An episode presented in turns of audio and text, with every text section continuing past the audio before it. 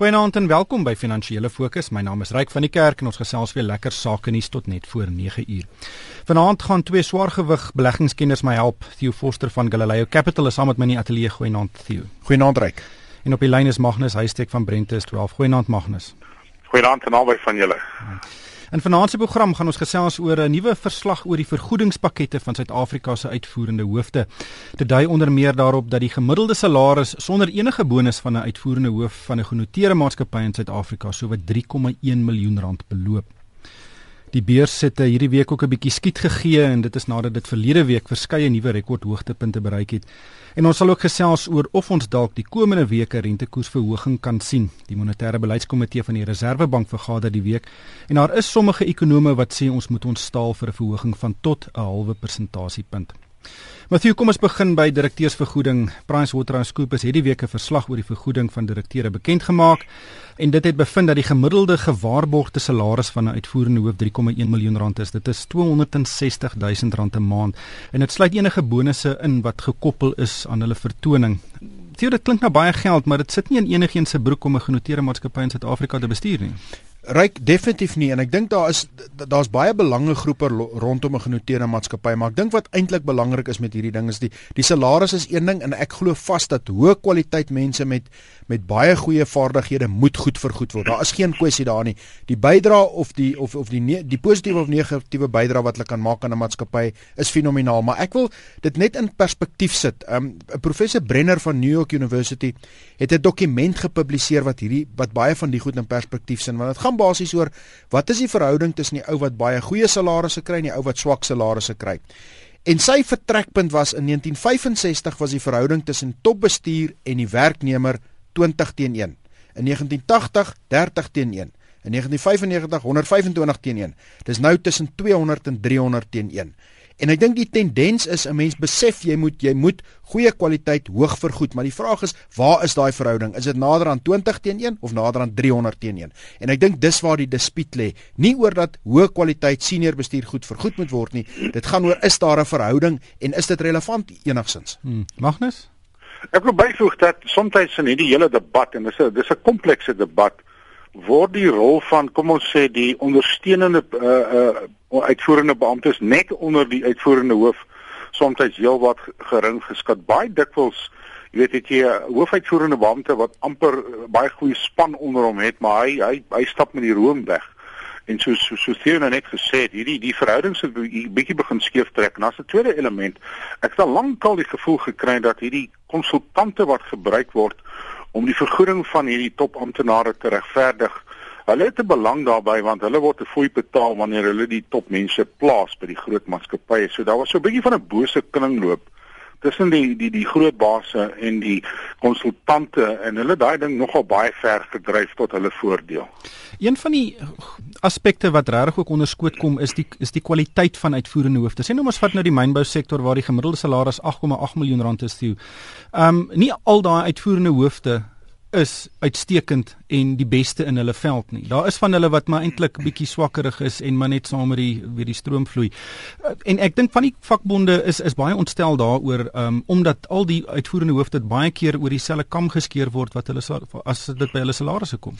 Ryk, ek dink ek dink hierdie skep 'n geleentheid vir 'n vakbond om baie maklik sterk standpunt in te neem want op die oog af lyk hierdie syfers nie goed nie. En ek en ek dink hierso het en Magnus 'n baie belangrike punt aangeraak. Hier's 'n klomp mense rondom senior bestuur wat vergoed word uit senior bestuur se vergoeding uit.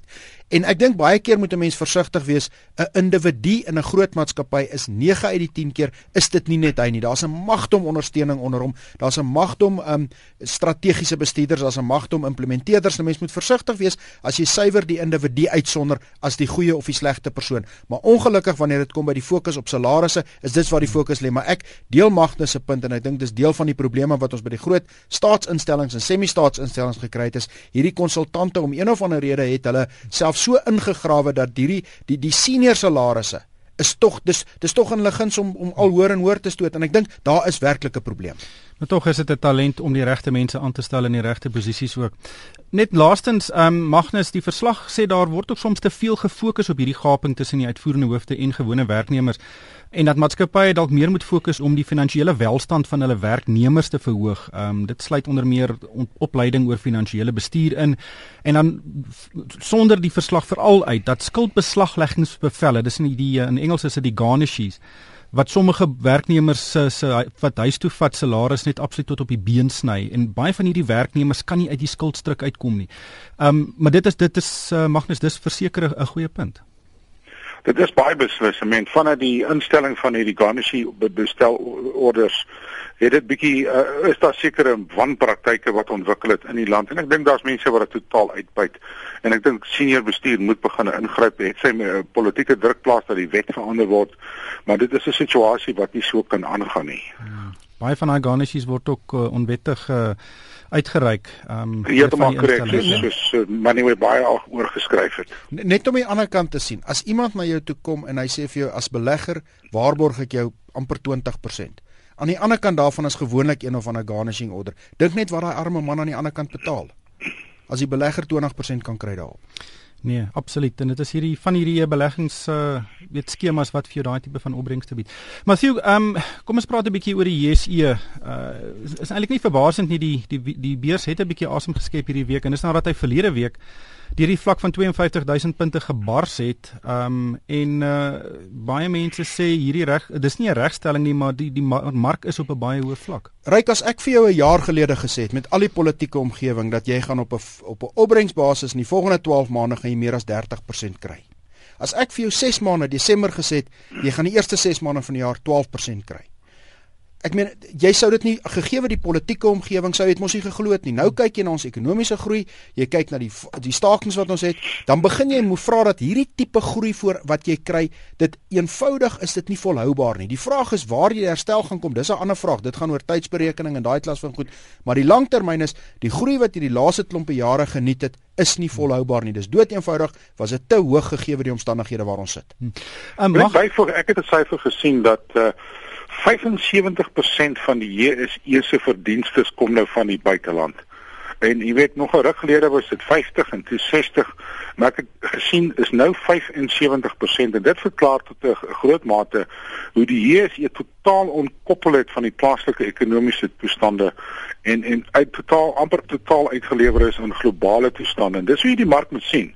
Ek sien hy gaan nog styg of daal nie, maar dit is hoe jy die mark moet interpreteer. Hy is amper nie meer 'n deel van SA nie. Hy hy hy, hy, hy, leef in 'n ander univers. Maar mag dit daai syfer wat jy nou genoem het kom uit die Citibank verslag uit wat hulle ook hierdie week bekend gemaak is. Maar een van die sprekers daar het juis gesê omdat 75% van die winste in die buiteland genoteer is, is dit vir buitelandse beleggers makliker om in Suid-Afrika te belê as om byvoorbeeld in 'n ander ontleikende mark te belê omdat ons verdienste nie uit ons geografiese area kom nie en die politieke risiko daarvoor is minder. En een spreker het selfs gesê dat hierdie feit maak van Suid-Afrika dat ons amper so Switserland is. Ja, maar korrek. Ons is onder die ontleikende lande die jy waarskynlik die land met die best ontwikkelde kapitale markte, diep markte, groot betrokkenheid en en jy kan vinnig in en uit klim. So ons ons ons kry die voordeel wanneer dit goed gaan. Maar wanneer die markte val, val ons nogal kwaai, veral ons wisselkoers en dit ons in Februarie gesien. Uh die rand was gebruik as 'n 'n 'n 'n proxy om om om in en uit uh, daai wisselmarkte te kom. So ons ons ons het daai situasie nou. Kom kom ek gee jou 'n syfer wat ek dink hierdie posisie ondersteun. Die afgelope 12 maande het die JSE in dollar terme vir jou 24% gegee. 12 maande in dollar terme 24%. Die S&P 500 die afgelope 12 maande in dollar terme het vir jou 25% gegee. Dit beteken daai was 'n 1% verskil in dollar terme oor 'n 12 maande periode. Wat ek dink ondersteun die punt dat ons mark tot 'n groot mate word al meer internasionaal gemaak en omdat jy dan deur die wisselkoers gaan, beteken dit tot 'n groot mate ons prestasie is nie gekoppel aan die Suid-Afrikaanse onderliggende ekonomiese probleme nie. Absoluut. Ehm um, een ander syfer wat uitgekom het by daai Citigroup ehm um, geleentheid was dat die markkapitalisasie van die beurs, die JSE, is 3 keer groter as Suid-Afrika se BBP. En hierdie verhouding is uh sekerlik die grootste in die wêreld, sien. Ja, maar ek dink nou nou vat ons terug en ons gaan kyk na ons grootste maatskappye. Ons grootste maatskappye en jy kan maar vat waar jy gaan en kom ons noem net 'n paar populêre maatskappye. Naspers se waarde word uit 10 cents in die ooste bepaal. SA brouwerye se waarde word definitief nie uit die Suid-Afrikaanse bierdrinker bepaal nie, dit word uit opkomende mark bierdrinkers bepaal en die prys word gemaak in Londen. Richemont se waarde word nie uit die paar goed wat hier verkoop word bepaal nie, dit word in in in in, in Switserland bepaal. En so kan jy deur ons groot maatskappye gaan, ons mynboumaatskappye, al hierdie maatskappye se besighede is nie in Suid-Afrika nie. Hulle besighede is oorsee, maar hulle pryse word ook nie gemaak in Johannesburg nie. Hulle pryse word in internasionale kapitaalmarkte gemaak. Magnus, kom ons gesels 'n bietjie oor grondeise. Faith Muthambi, sy is die minister van kommunikasie, het hierdie week gesê dat Suid-Afrikaners kan weer begin om grondeise in te dien en sy sê daar word tot 400 000 nuwe eise verwag. Wat maak jy van hierdie hierdie verwikkeling? Wel ek ek skud ek skud net my kop. I mean die die grondeise program tot dusver het nie geslaag nie. Die grond wat wel oorbetaal is, meeste daarvan is was nie suksesvol nie.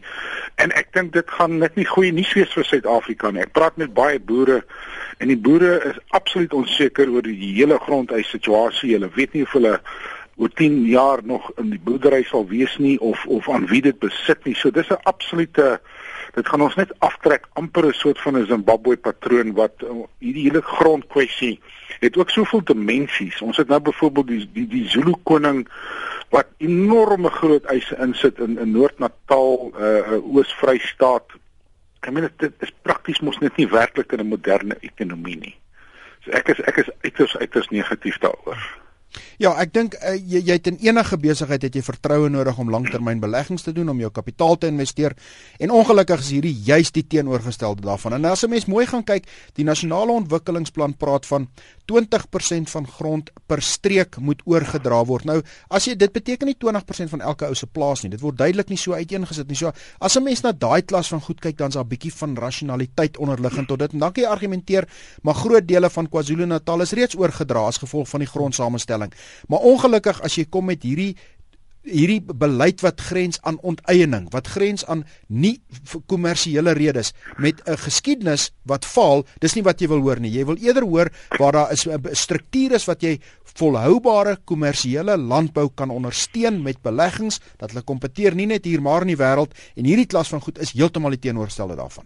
Ek wil net byvoeg, ek het verlede week uh, deur Noord-Natal gery op pad na Sodwana te byvoorbeeld en dan ry jy deur van die van die Zulu koning se grond en dan weer terug na die private sektor. En jy die die verskil tussen die die absolute pragtplase onder besproeiing in die private sektor en dan in die in, in die Zulu koning se se se grond waar mense amper nog in hutte woon en water en hout aandra is is is verstommend. En en jy jy weet net nie wat gaan gebeur as al daai grond eise slaag en die grond word oor, oorgedra na die nuwe generasie eienaars nie. Ek ek ek is net verstom.